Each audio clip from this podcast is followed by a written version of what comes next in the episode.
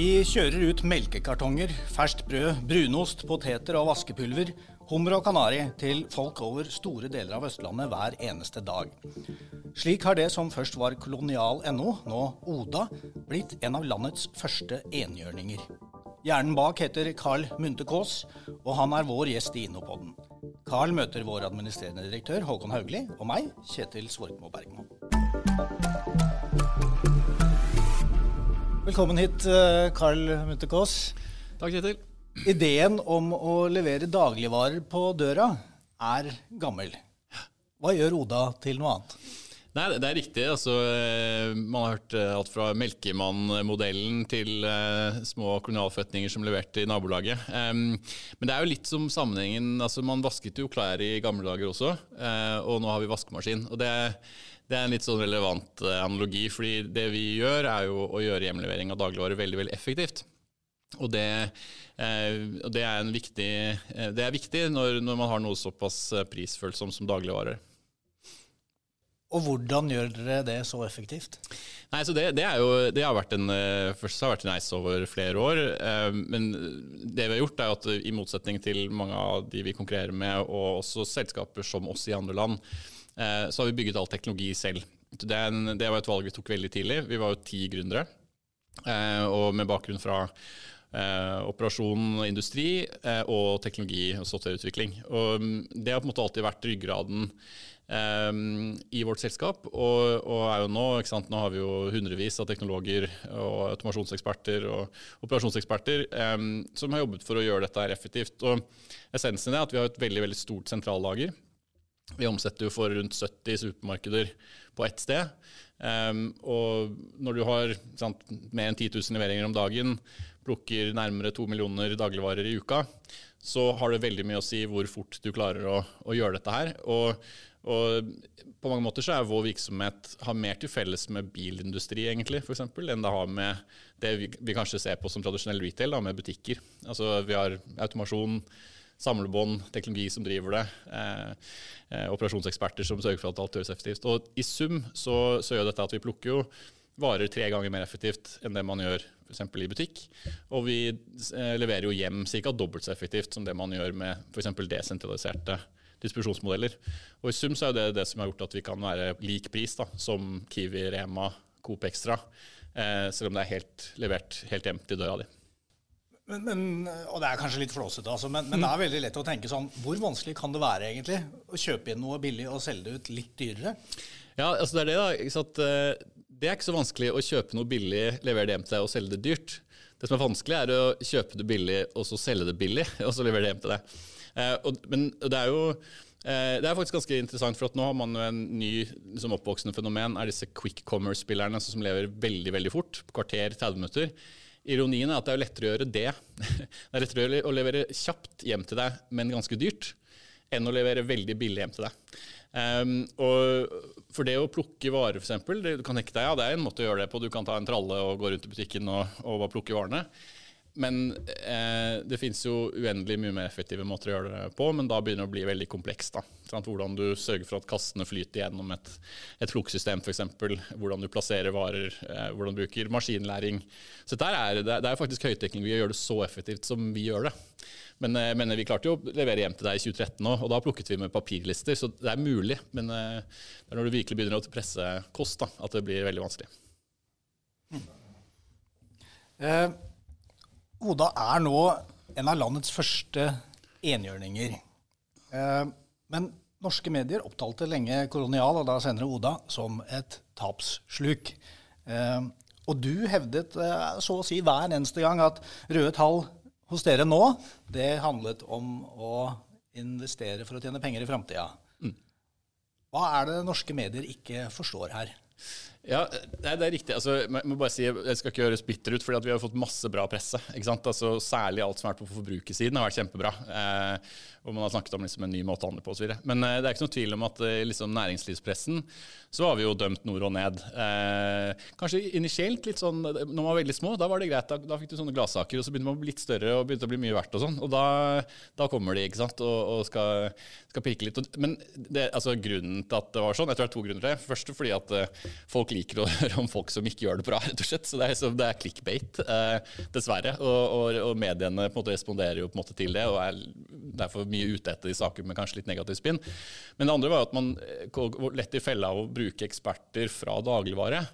Og dette her er jo en disrupsjon. Vi har en helt annen verdikjede enn det Rema har, f.eks. Fra produksjon den er for så vidt lik, altså bønder og Orkla og den delen av det.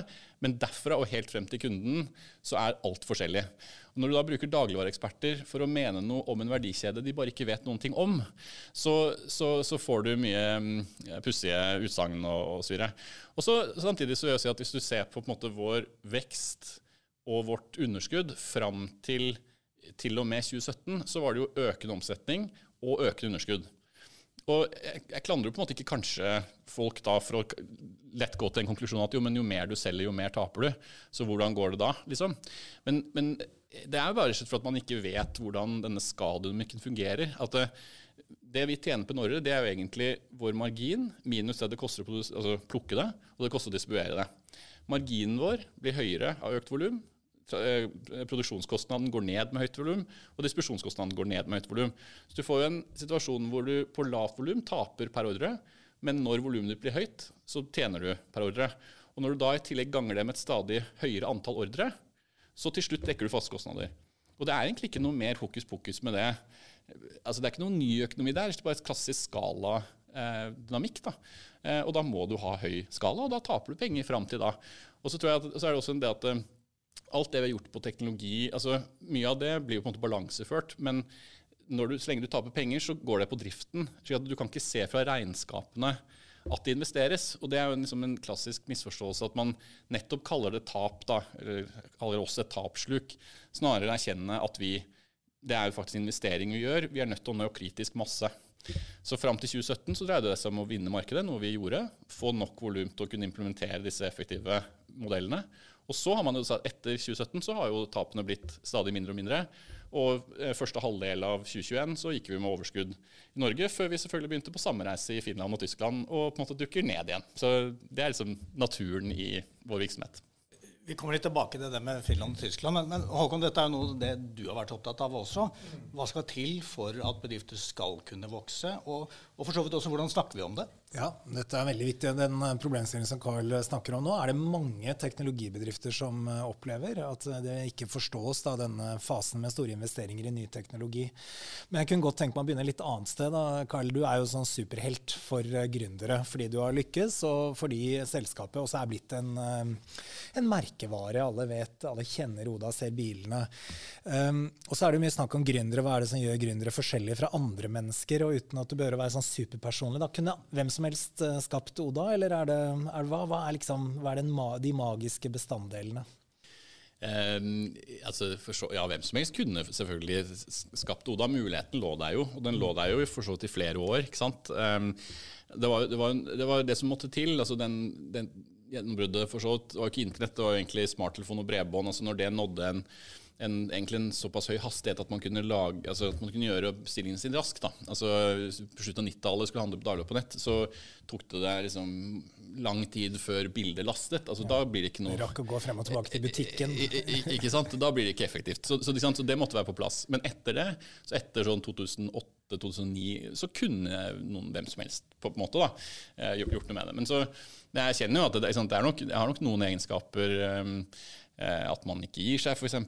At man evner å liksom se og eh, skyte på bevegelige mål. Da. Fordi at det, man, altså, for, for, for, meg, men også for jeg tror andre fra liksom, industri, så er det jo ikke noe overraskende at vi er mer effektive nå enn vi var.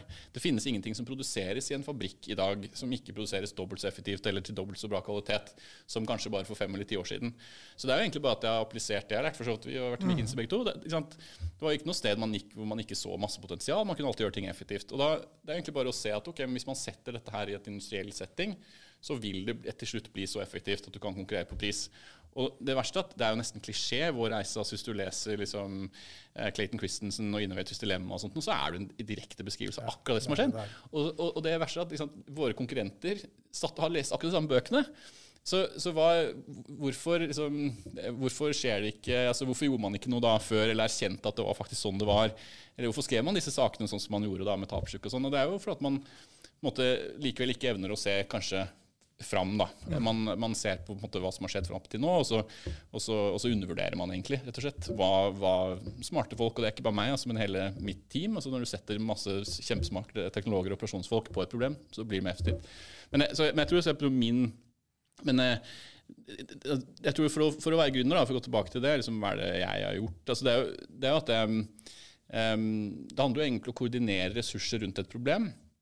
Og det er nok noen som kanskje er flinkere til å få til det enn andre. Og det handler litt om eh, tillit, på en måte. Evnen til å overbevise andre. Fordi til syvende og sist er jo ikke jeg har jo ikke bygd Oda, det er jo 1000 ansatte som har gjort det. ikke sant?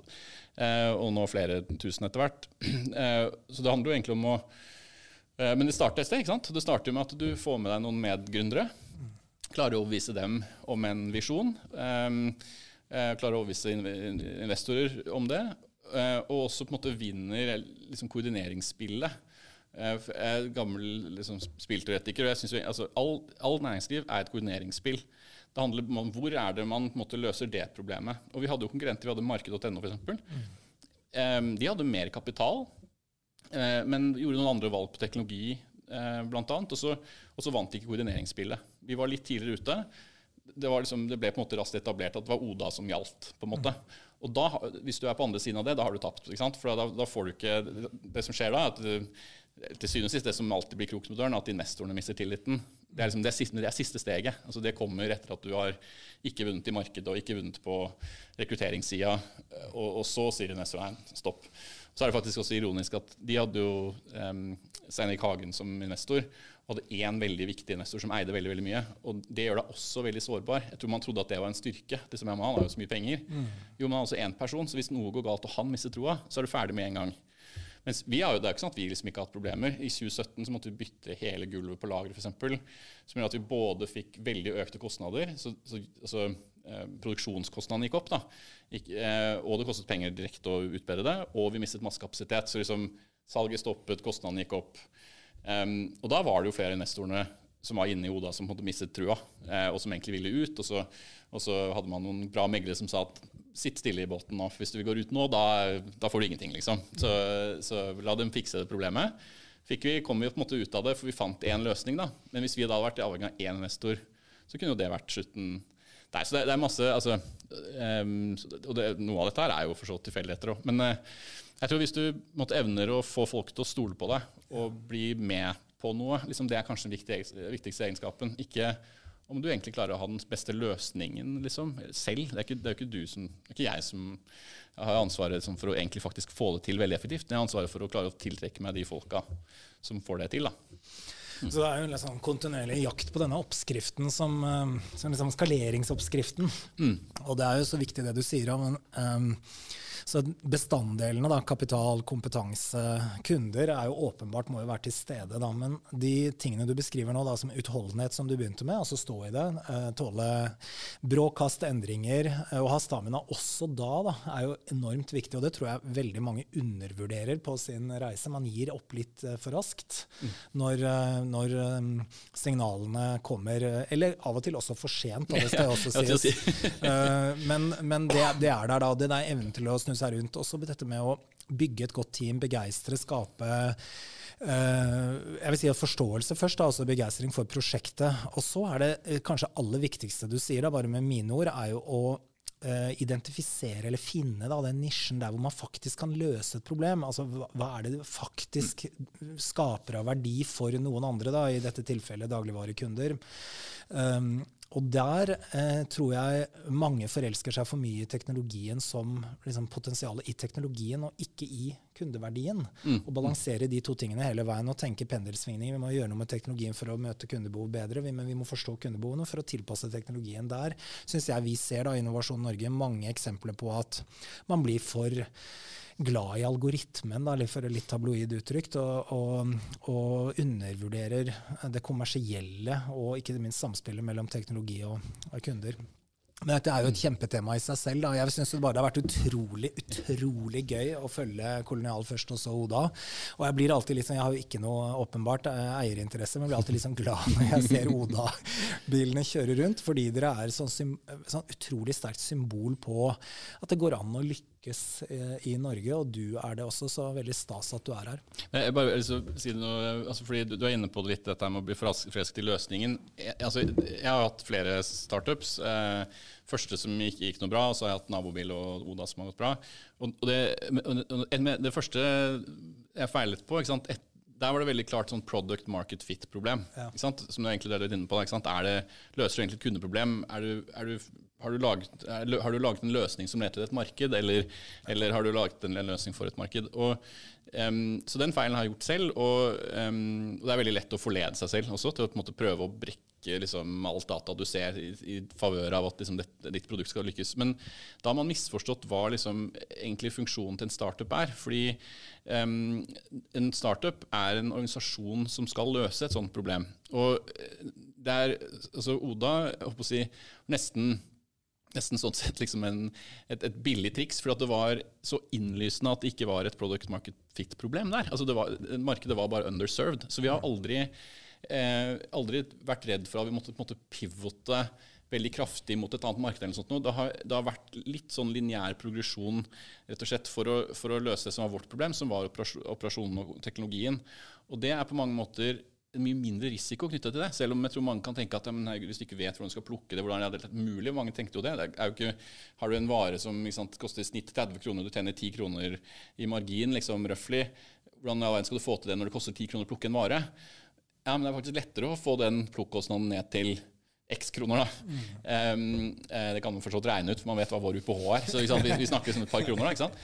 Uh, det er faktisk det er, for det er liksom, Da vet du hva problemet er. Du setter alt inn for å løse det. Um, det er mindre risiko å klare å redusere den kostnaden fra 10 til 2 kroner egentlig, enn mange tar når de ikke vet om det egentlig er et marked for produktet sitt. Men Du sa at dere begynte å plukke med, med lister. Mm. Mm. Var det klart for deg helt fra starten av at dere måtte satse på teknologi og utvikle teknologi, eller var det mm. noe som kom på et litt senere tidspunkt? Nei, det, var helt, det var helt åpenbart. Altså, det, var, det, var, helt klart fra starten at det var der problemet lå. Og så og, og, starten, så, altså det med å plukke med lister Det vi gjorde egentlig de første to årene, det var først og fremst å bare bevise potensial. altså sånn Vise at, at det var høy på kundesiden, at det var høy kunderetention. Eh, vise produksjonen at ja, nå så plukker vi med en tralle og vi gjør sånn og sånn, men vi kan se liksom f.eks. når man bruker sånn eh, OPE-analyser, som er sånn McKinsey-ting vi drev med som stoppeklokke, ikke sant? Eh, hva man bruker tid på så, så, kan du på en måte bryte ned denne plukkprosessen og se at det er jo masse, altså vi bruker så mye tid på å gå da, med en tralle, f.eks. 75% av tiden vi brukte i gamle dager, var bare å dyste en tralle. Ganske åpenbart at det må, både må du fjerne, og du kan fjerne. Du kan fjerne det med ulike automasjonsmetoder. Så da, selv om det var liksom early days, så, så, så, kunne vi på en måte bryte ned disse prosessene og si at det, det er så og så mye potensial. Og hvis man kommer dit, så blir det måte, veldig lønnsomt. Og Det var det man måte, fikk investorer med på. Og det regnestykket viste jeg jo aldri til pressen.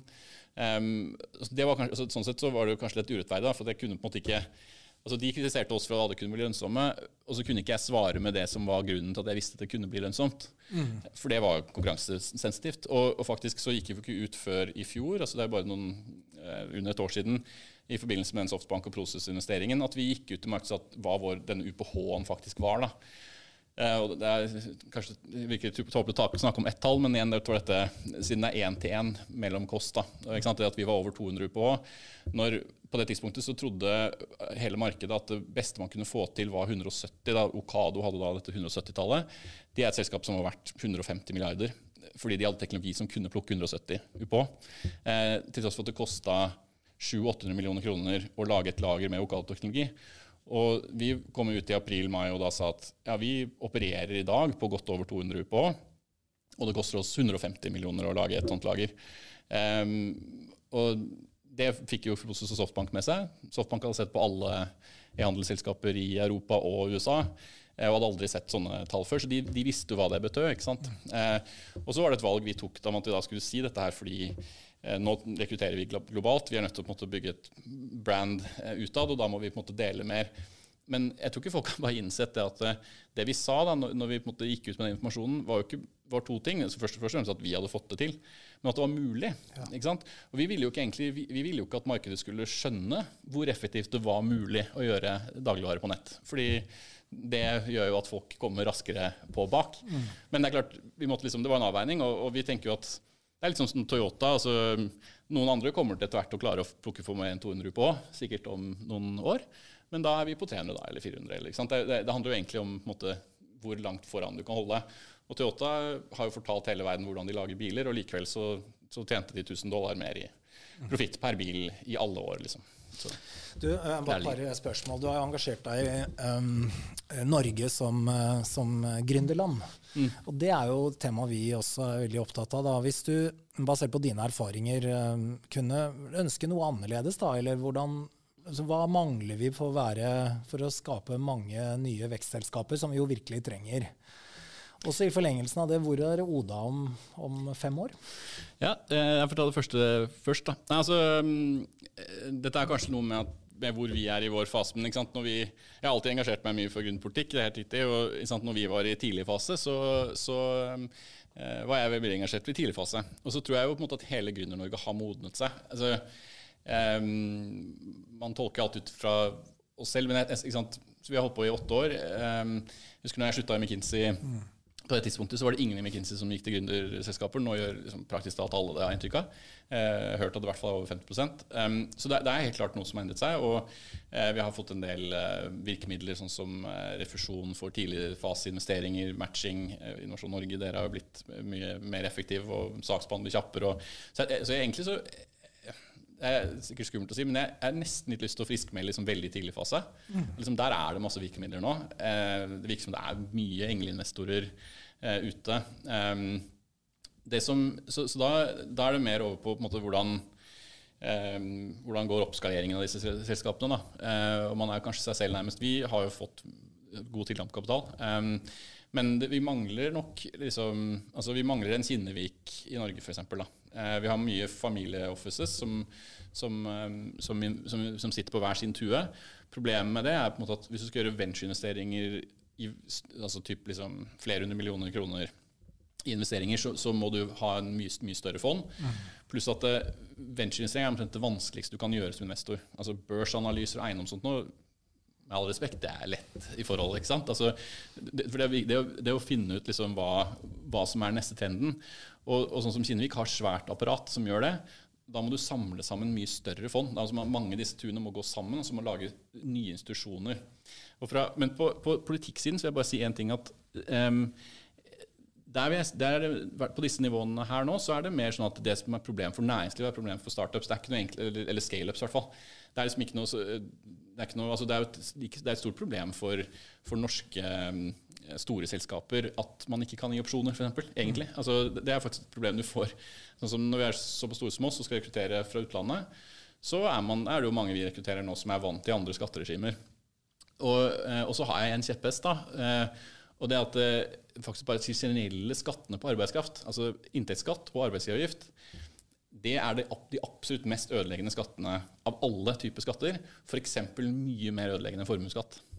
Eh, altså så Setter du en direkte skatt på arbeidskraft, så er det ikke rart at det gjør at du får mindre arbeidsplasser.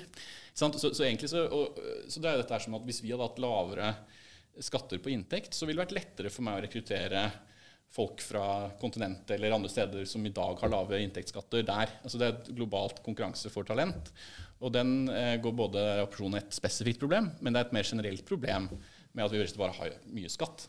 Um, og Hvis man hadde tatt ned det, så ville jo klart mye flere forretninger, selskaper, uh, business cases da, på en måte blitt lønnsomme fordi den viktigste innsatsfaktoren, arbeidskraft, ville blitt billigere. Uh, og det er det vi har mangel på. Vi har masse kapital. Så, så, derfor så har jeg vært eh, litt uttalt da, på at jeg syns man i praksis kunne fjerna mye av inntektsskatten og erstattet den med formuesskatt. Og Oda om fem år, da? Ja, eh, nei, Nå bygger vi jo eh, infrastruktur i Nord-Europa. da. Ja, Veldig spennende. Jeg jo, hadde jo gleden av å høre deg holde et foredrag om de internasjonale satsingene. Ja. Utrolig gøy. Nei, vi, vi satser på å bygge Det er et mål om å bygge et, et nytt lager i kvartalet. Ja. Og hvert lager har 3-4 milliarder i kapasitet, så da bygger vi over 10 milliarder i, i kapasitet årlig. Eh, og det verste er at eh, f.eks. i Tyskland, selv om vi gjør det i, i ti år, så, eh, eh, så vil vi bare ta en brøkdel av e-handelsmarkedet der. Så ja. det er en enorm liksom, jobb nå da, i å legge om hele handelsinfrastrukturen fra liksom, butikkbasert til, til online, og vi skal gjøre så mye av det vi kan. da. Du, En ting jeg har lurt på, er navnet Oda. Hva, hvor, hvorfor det, og hva, hva signaliserer det? Nei, altså Det var jo, det startet med at kolonial var ubrukelig, basically. Mm. Ja. eh, altså, det var åpenbart ubrukelig i alle liksom, engelskspråklige land, og sånn, men så var det jo egentlig ikke et særlig bra navn i Norge heller. Vi hadde på en måte vokst fra det for lenge siden. Så, så vi måtte gjøre, ta, ta, et nytt navn. Da, da, har man, som eh, store selskaper har, da, en prosess på det, ikke sant? hvor du får inn byråer og sånt nå, og så på masse forskjellige navn. Um, men så er det jo knyttet til vi, Det vi gjør, vi, eh, vi, gir plass til livet, da, eller eh, Space for life. Det er, liksom det, det er vår eksistensgrunnlag. Vi gir kundene våre mer fritid, rett og slett. Um, og, og, skal du gi på en måte Space for life, gjøre ting enklere, så er det også greit å ha et enkelt navn. Ikke et navn med kolonial.no, mange stavelser er fem eller noe sånt. Ikke sant? Det er vanskelig å si. Og Sånt. Så, bare, så, ting må liksom flyte litt lett. Og, uh, og så var Oda Det har noe, noe, relasjon til Oda, altså poesi. Eh, er et nordisk navn. Det var mye gode assosiasjoner rundt det, egentlig. Ja. Eh, og så var det kort, da. Tre ja. bokstaver.